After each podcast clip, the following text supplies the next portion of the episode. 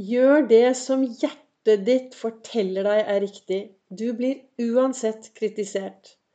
Kloke ord fra Eleanor Roosevelt. Velkommen til dagens episode av Begeistringspodden. Det er Vibeke Ols. Driver Ols Begeistring, farverik foredragsholder, mentaltrener. Kaller meg begeistringstrener og brenner etter å få fler til å tørre å være stjerne i eget liv. Hvis det er én ting som er viktig om du skal være stjerne i ditt liv, ja, det er å lytte til hjertet. Det er å tørre å være seg selv og kjenne etter hva hjertet ditt sier. I går snakket jeg om eh, dette at jeg skulle leve så mye at den dagen jeg går ut av tiden, så skal det ikke være noe mer igjen fra hjertet mitt.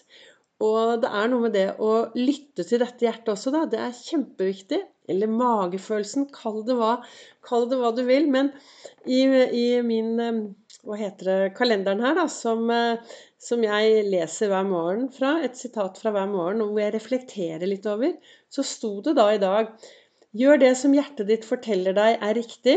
Du blir uansett kritisert. Det er Eleanor Roosevelt som har skrevet. Og det er alltid noen som har noen meninger. Alltid. Alltid noen som har noen meninger om det du gjør.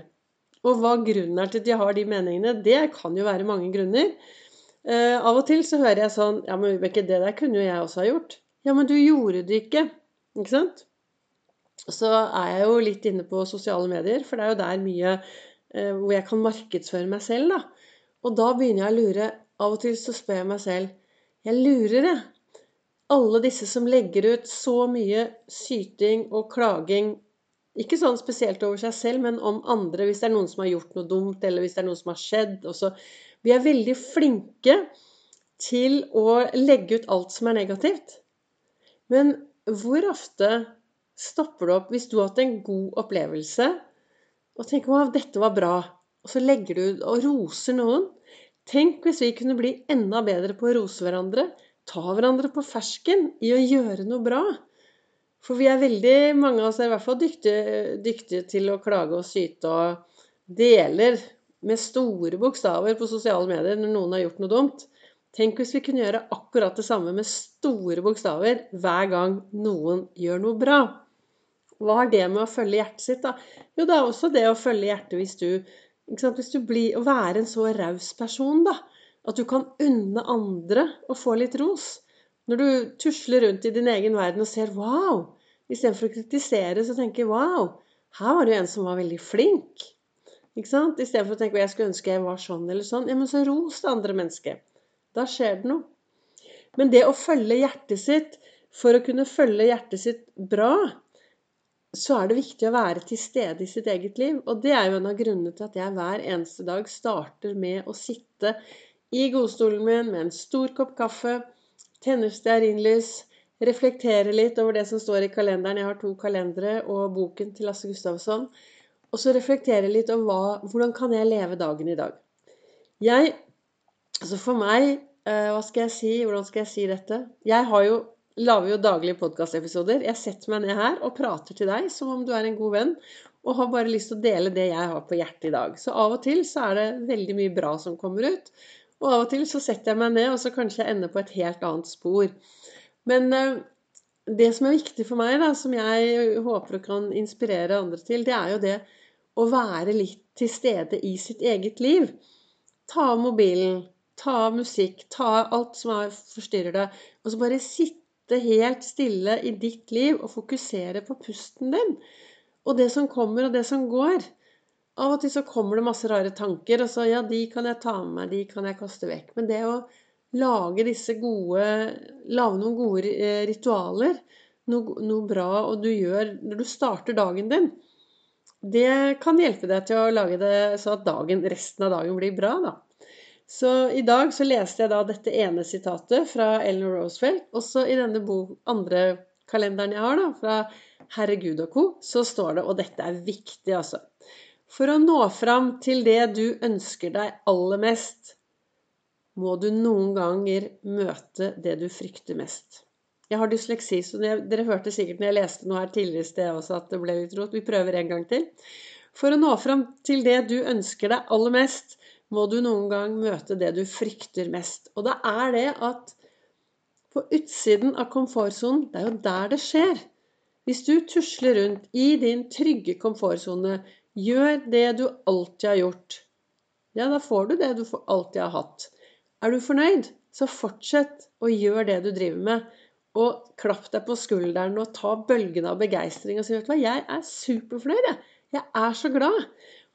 Og hvis du virkelig er superfornøyd og glad med hvordan du har det, så vil du jo stråle. Det kommer jo fra innsiden. Og da vil du stråle ut til andre. Da vil du lyse opp tilværelsen. Så vil du være en stjerne som lyser opp, som står på scenen din og lyser. Men skulle du være misfornøyd med noen små ting, så husk det er kun du som kan ta tak og gjøre noe med det. Hvis du står i situasjoner som det er umulig å gjøre noe med det, så aksepter det. Aksepter situasjonen, og så finne ut hva kan jeg gjøre da, for å takle dette på en best mulig måte. Og jeg var på et foredrag med Anja Ledin for mange, mange år siden. Det er sikkert tolv år siden, tenker jeg. Hvor hun snakket om viktigheten av å sprenge en grense hver eneste dag. Og det er noe jeg har tatt med meg. Hver dag så tenker jeg at ok, hva kan jeg gjøre i dag som er litt utenfor komfortsonen? Hva kan jeg gjøre i dag som kanskje er litt skummelt? men som får meg til å se tilbake på noe bra i morgen. Så sånne ting tenker jeg oppi hodet mitt.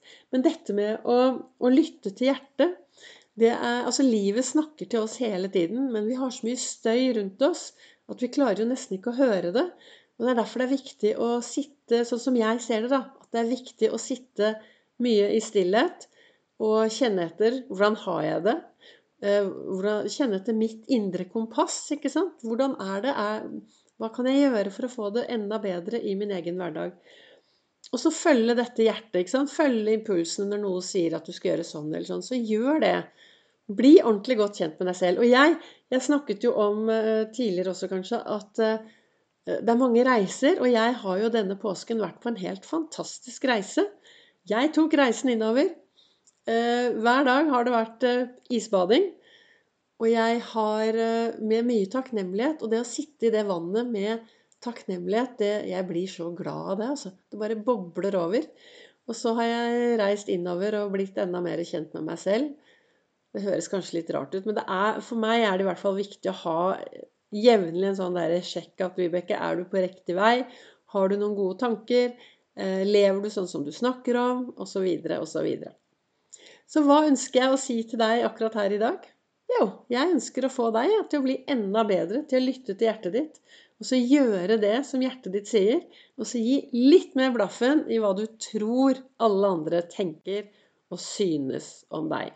Tusen takk til eh, dere som lytter og deler og sprer begeistringspodden videre. Og så treffer du meg også på sosiale medier, både på Facebook og på Instagram under Ols begeistring eller Vibeke Ols.